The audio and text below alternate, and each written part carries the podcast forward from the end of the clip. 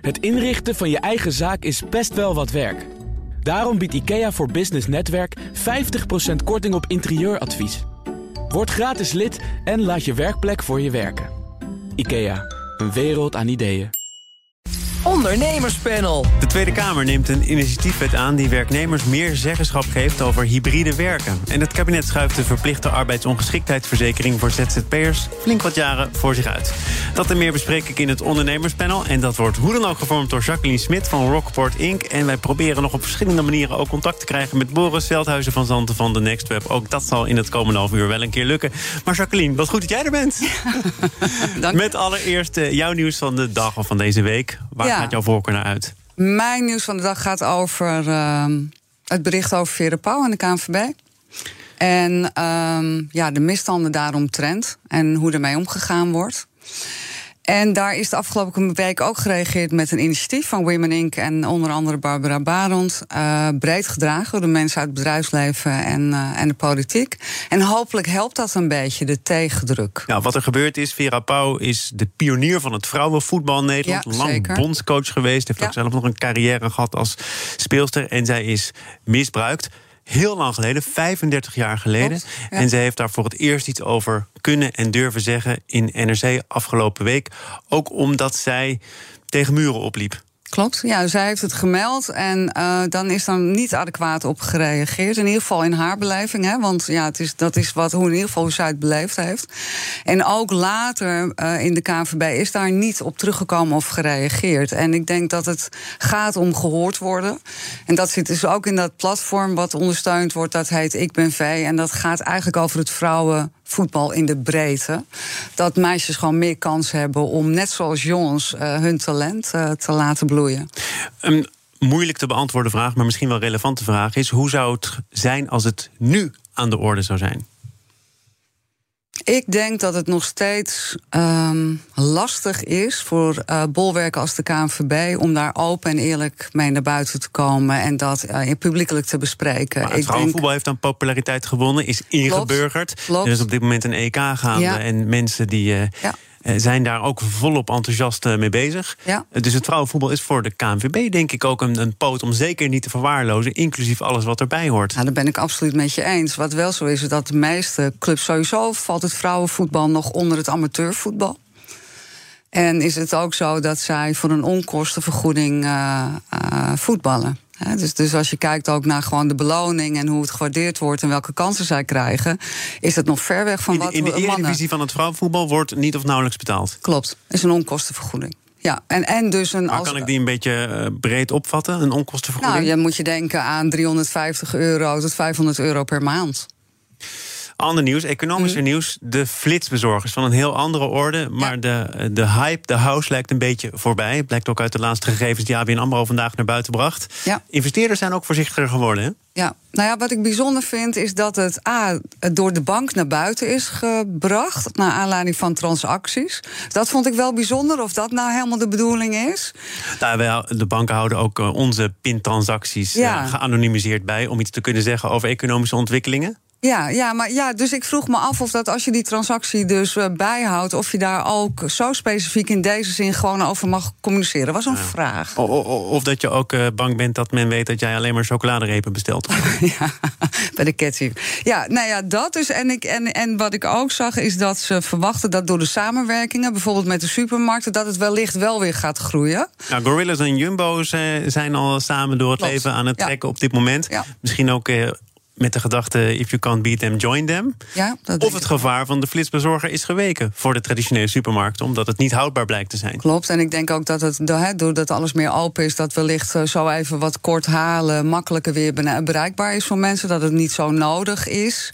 Ehm, en misschien ook wel de negatieve berichtgeving daaromtrent in buurten. Ik heb, eh, dat, dat zou allemaal wel een beetje de Nou, optelsom en het is kunnen niet alleen zijn. maar negatieve berichtgeving. De wetgeving wordt ook echt aangepast. Dat sowieso. Die Ja, dark stores in grote Klopt. steden zijn eh, Mogen, niet meer welkom, ja, mogen klopt. niet meer. Klopt. De eerste flitsbezorger heeft een vertrek al aangekondigd. Dan naar een eh, serieuzer onderwerp. De Tweede Kamer neemt een wetsvoorstel aan dat het makkelijker maakt voor werknemers om thuis te werken. Het voorstel heet Werken waar je wilt. En dat eh, is een voorstel dat in lijn is met een recent CER-advies. Waarin ook stond dat meer zeggenschap voor werknemers gewenst is. 2022 en we hebben het over meer zeggenschap voor werknemers. Werd het hoog tijd? Het was al lang hoog tijd volgens mij. En ik, uh, ik, ik, uh, ik, even kijken, was dat 2006 bij Microsoft? Was de introductie van het nieuwe werken toen de tijd? Dat is best wel even geleden dus. En, en alsnog zijn we bezig met uh, dat goed te regelen voor werknemers. Dus je zou denken dat het niet meer nodig is. En zeker niet met de coronaperiode achter ons, waar we er iets meer aan gewend zijn dan dat we waren wellicht. Heeft in ieder geval een versnelling gehad. Maar dan is nog steeds wetgeving nodig. Dus ik vind dat. Uh... Ja, jij haalt 2006 eh, aan, Microsoft. Daar heb je natuurlijk ook een uitgebreid verleden. Mhm. Dat is ook wel een, een uitgesproken pionier. Het past ook wel bij wat zij op de markt brengen. Mag je dat tot norm verheffen? Ja, maar dat is al ruim 15 jaar geleden dan, hè? Dus, dus, dus, misschien zou je zeggen, nou ja, ze hadden vijf jaar nog daarna, prima. Maar als je ook nog een versnelling hebt in de ervaring met het thuiswerken en hoe je technologie inzet. En je hebt nog steeds wetgeving nodig. Ja, het verbaast mij. Het, het CER-advies heeft het over redelijke en billijke verzoeken. En dan kom je natuurlijk weer op het eh, terrein van de interpretatie. Wat is redelijk, wat is billijk? Dat geldt ook trouwens voor mensen die hun uh, werk tijden willen aanpassen of minder willen gaan werken. Dan moet je ook over in overleg met je werkgever. Dan moet het ook redelijk en billig zijn. Eh, kun jij dat wat concreter maken? Wanneer zou een werknemer naar zijn werkgever moeten kunnen stappen met het verzoek: ik werk vanaf nu thuis? Wat mij betreft elke dag. En ik denk dat als je dat goed regelt in wat je vraagt van. Dit is trouwens ook natuurlijk op algemeen niveau. Hè, het zal echt per industrie verschillen. Maar als jij op output gestuurd wordt en er wordt goed afgesproken wat ze van je verwachten, dan zou de locatie niet uit moeten maken. Dus wat mij betreft zou je dan kunnen kijken: wat moet ik doen vandaag? Wat wordt van mij verwacht? En welke locatie is passend? En hoe zou ik dat in mijn leven, zoals mijn leven er nu uitziet, in kunnen passen? Volgens mij zou dat de norm moeten zijn. Er zijn werkgevers die vermoedelijk voor een groot deel met je mee zullen gaan en toch kunnen beweren dat als je echt samen iets tot stand wil brengen of een creatief proces in gang wil zetten, dat je dat gezamenlijk moet doen. Hoewel het een werknemer ook vrij zou moeten staan om dat dan thuis te doen. Waar wordt die discussie dan gevoerd? Hoe zou je dat moeten doen? Nou, wij hebben toen de tijd hebben we het laten, uh, laten onderzoeken door RSM. En die kwamen op 25% teamontmoeting. En 75% kan digitaal.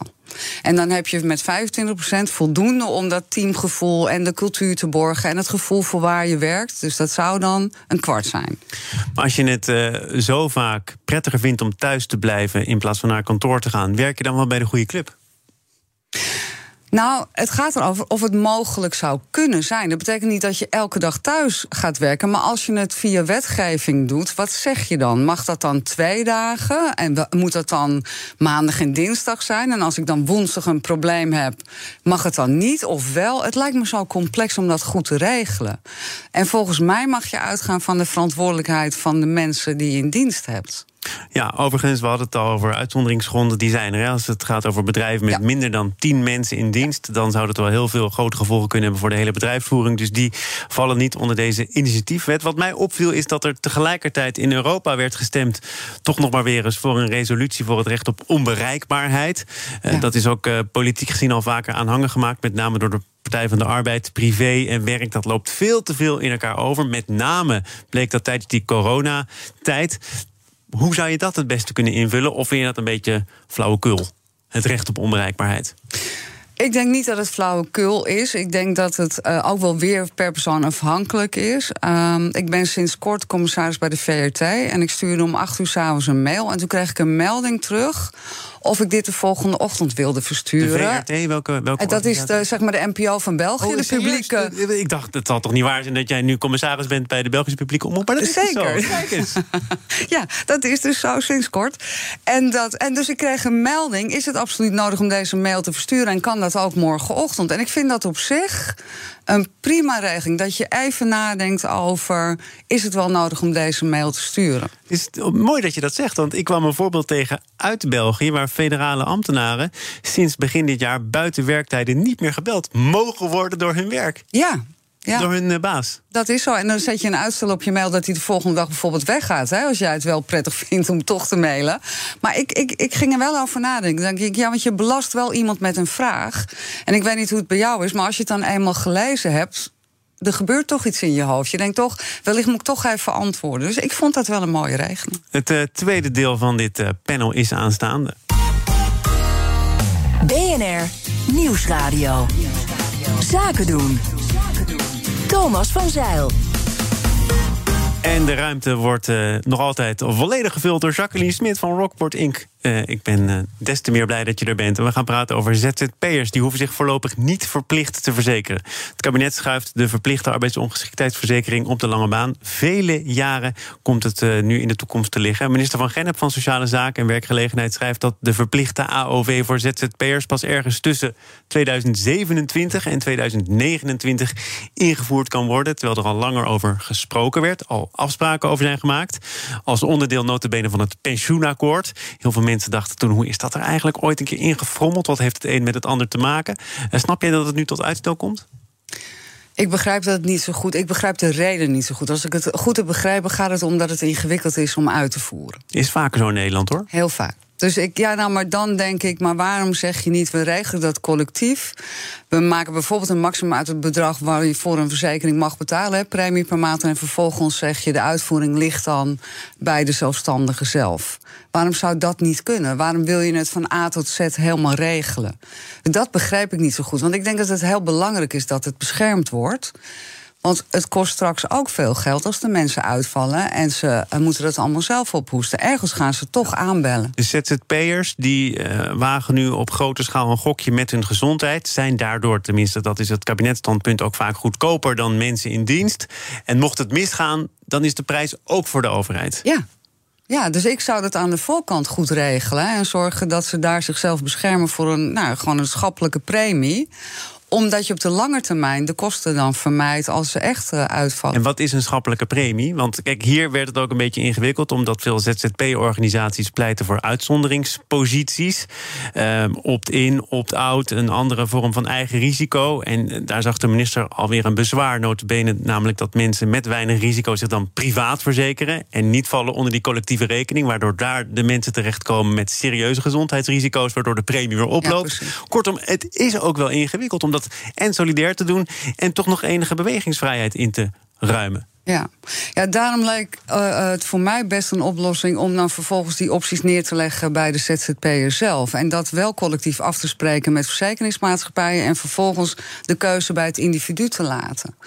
Dan kan je dat zelf besluiten. En dan kun je ook besluiten hoeveel het je waard is om dat goed te verzekeren. Bijvoorbeeld in de basis een aantal dingen tot aan, nou ja, de premium uh, verzekeringsdekking. Maar dan kun je dat zelf regelen. Dan kun je ook zelf weer die verantwoordelijkheid nemen daarvoor. Er zijn ook uh, arbeidsmarktdeskundigen, onder andere Hans Borslap. Die mm. heeft een commissie voorgezeten, een invloedrijke commissie. Als je ook kijkt naar de verkiezingsprogramma's en wat er terechtgekomen is in het uh, regeerakkoord. Die schreef vorige week nog in het FD dat je bepaalde voorzieningen los moet zien van de contractvorm. Hè. Kom tot een algemene arbeidsongeschiktheidsverzekering voor alle werkenden. Stop met het geduw en getrek over een arbeidsongeschiktheidsverzekering voor alleen zelfstandigen met de mogelijkheid van een opt-out. Ben jij het daar ook mee eens dat je dus niet moet gaan concurreren, niet moet gaan onderscheiden in basiszekerheden afhankelijk van het type contract? In de basis ben ik het daarmee eens. Ja, ik vraag me dan wel weer af wie dat dan gaat organiseren. Maar ik denk in de basis dat gelijk trekken, dat lijkt mij een goede zaak. Ook dit kabinet wil af van doorgeschoten flexibilisering. Staat al heel lang op de agenda van het vorige kabinet. Het kabinet daarvoor. Onder andere staat in de Kamerbrief van Van Gennep... dit ondermijnt ook het verdienvermogen van Nederland. Hè? Want ZZP'ers, flexwerkers, die investeren minder in zichzelf... investeren minder in de organisatie. Uiteindelijk worden we daar collectief minder van. Deel jij die analyse? Nou ja, het, sowieso vind ik het altijd ingewikkeld als het zo generiek wordt gezegd. Want waar hebben we het dan over? het is, is wel een kamerbrief, hè? Dan moet je misschien ook wat generieker zijn. ja, maar als je zegt, ze zei, ja, volgens mij had ze het ook over de kwetsbare ZZP'ers. En dat, dat relateren ze ook aan uurtarieven. Uh, en dan gaat het natuurlijk al, dan krijg je al onderscheid. Want als jij 300 euro kan rekenen of 25, dat maakt een groot verschil. Dus ik denk dat het daar dan ook wel ingewikkeld wordt hè, om dat goed met elkaar te bespreken. Het is sowieso ingewikkeld om je als ZZP'er echt een reëel beeld uh, voor te schetsen van je werkelijke rijkdom. Ik kwam een interview tegen met Christel van de Ven. Zij is voorzitter van een zelfstandige organisatie. En haar werd gevraagd: ken je rijke ZZP'ers? En toen zei ze: Nou, ik ken vooral ZZP'ers die zich rijk voelen vanwege het gevoel van ondernemerschap. Maar daar zat er ook een beetje in verscholen dat veel mensen zich misrekenen als ze kijken naar inderdaad de risico's van arbeidsongeschiktheid, een goede oude dagsvoorziening, eh, doorgroeimogelijkheden binnen een bedrijf. Een buffer hebben. Een buffer hebben. zeker. Dus flex in stand houden of afbouwen wat jou betreft? Ik zou het in stand houden, omdat ik denk dat het. Er zitten ook heel veel ondernemerschappen in. Er zitten ook eh, mensen die innovatief zijn, kleine bedrijfjes op. Er zit zoveel in waar rijkdom in zit. Dat ik denk, ik zou het niet afschaffen. En ik snap ook niet zo goed wat je daarmee oplost. We gaan naar het laatste onderwerp van dit panel. De Nederlandse Vereniging van Banken start een campagne die bedoeld is om ondernemers aan te zetten tot verduurzaming in samenwerking met hun bank uiteraard. De campagne heet Alles zijn op groen. Is dit inderdaad mooie reclame voor banken? Komt allen bij ons langs, wij hebben een goede oplossing voor u? Of heeft het eh, meer om het lijf, denk je? Ik vind sowieso het huwelijk tussen banken en ondernemers wat lastig. Dus ik, ik vraag me dan af wat ze echt gaan oplossen. En ik hoop het. Het voelt wel een beetje goed voor de bank in communicatie ik ben benieuwd wat dat ook echt voor ondernemers maar Het kan toch ook wel relevant zijn in een tijd dat gasprijzen behoorlijk oplopen, dat verduurzaming sneller loont dan een paar jaar geleden. Dat de bank zegt: Goh, we hebben daar bepaalde kredietfaciliteiten voor, vergeet ons niet. Ja, in de basis ben ik het aan mijn eens. Maar hoe gaat dat dan weer zijn? Gaan we dan met subsidies werken? Of heb je een lening dat je ergens daar uitgesteld terug mag betalen? Kan je dat dan weer hebben als onderneming? Dus ik, ik, ik ja een goed initiatief, maar ik, ik, ik moet het nog even zien. Er is blijkbaar ook een erfenis uit het verleden die ervoor zorgt dat ondernemers niet zo happig zijn om eens eh, goed contact op te nemen met hun bank. Want je zegt dat huwelijk is uh, ingewikkeld heeft misschien nou ja, wat schade opgeleverd. Als je investeringen vraagt, of als je als ondernemer bijvoorbeeld een hypotheek af wil sluiten, of iets anderszins. Uh, uh, over het algemeen is mijn ervaring niet dat een bank dan je partner is. Ja, als het goed gaat, gaat het heel soepel. Maar als je echt iets nodig hebt, en dan moet je vijf jaar jaarcijfers bijvoorbeeld aan kunnen tonen. Um, en daar krijg je dan heel veel vragen over. Dus ik, ik vraag me dat gewoon af. Bij wie zou je dan wel aankloppen? Stel je wil zonnepanelen, stel je wil je pand verduurzamen. Hè? Grote kantoren hebben al te maken met een verplicht C-label. Ja. Heb je soms ook geld voor nodig, stel ik me zo voor. Het FD berichtte vorige week nog over eh, de hele stroom aan alternatieve financiering... die steeds populairder wordt. Maar ergens is de bank toch ook nog wel een halte, lijkt me. Om eens eventjes uh, nou ja, wellicht. Als ze daar misschien toch iets soepeler naar gaan kijken. Maar ik zag bijvoorbeeld ook leasemaatschappijen daartussen staan. Als alternatieve bedrijven die helpen in die financiering. En ik kan me voorstellen als automotive bijvoorbeeld gaat veranderen. Dat je kijkt of je andere leaseconstructies kunt aanbieden. Om ervoor te zorgen, misschien wel specifiek voor ondernemers. Om ervoor te zorgen dat het soepeler wordt. Waarom zou een bank dit doen? Eh, staat dit goed? Gaat je credit rating er uh, omhoog van. Is het het jaarverslag dat een uh, groener kleurtje krijgt? Ja, ik denk voor de corporate communicatie dat het heel erg helpt. Ja. Bedankt voor onze onderlinge communicatie. Hoe was het om in je eentje een panel te zijn? Ja, ik vond Gaan we het, nog een keer doen? ja. Het is hartstikke chic, hè, dit? Gaan we doen, gaan we doen. Zijn er nog ja, dingen waar je ondanks alles niet aan toegekomen bent? Nee, ik had ruim de tijd. Ah, Jacqueline Smit van Rockport Inc., goed dat je er was. Zometeen dan uh, staan er twee pitchers te popelen om hun bedrijf te pitchen. En ik uh, praat met mijn uh, zakenpartner over de overspannen arbeidsmarkt. Een kleine update maakt een wereld van verschil. Daarom biedt IKEA voor Business Netwerk gratis snelle interieurtips en ideeën. Word gratis lid en laat je werkplek voor je werken. IKEA, een wereld aan ideeën.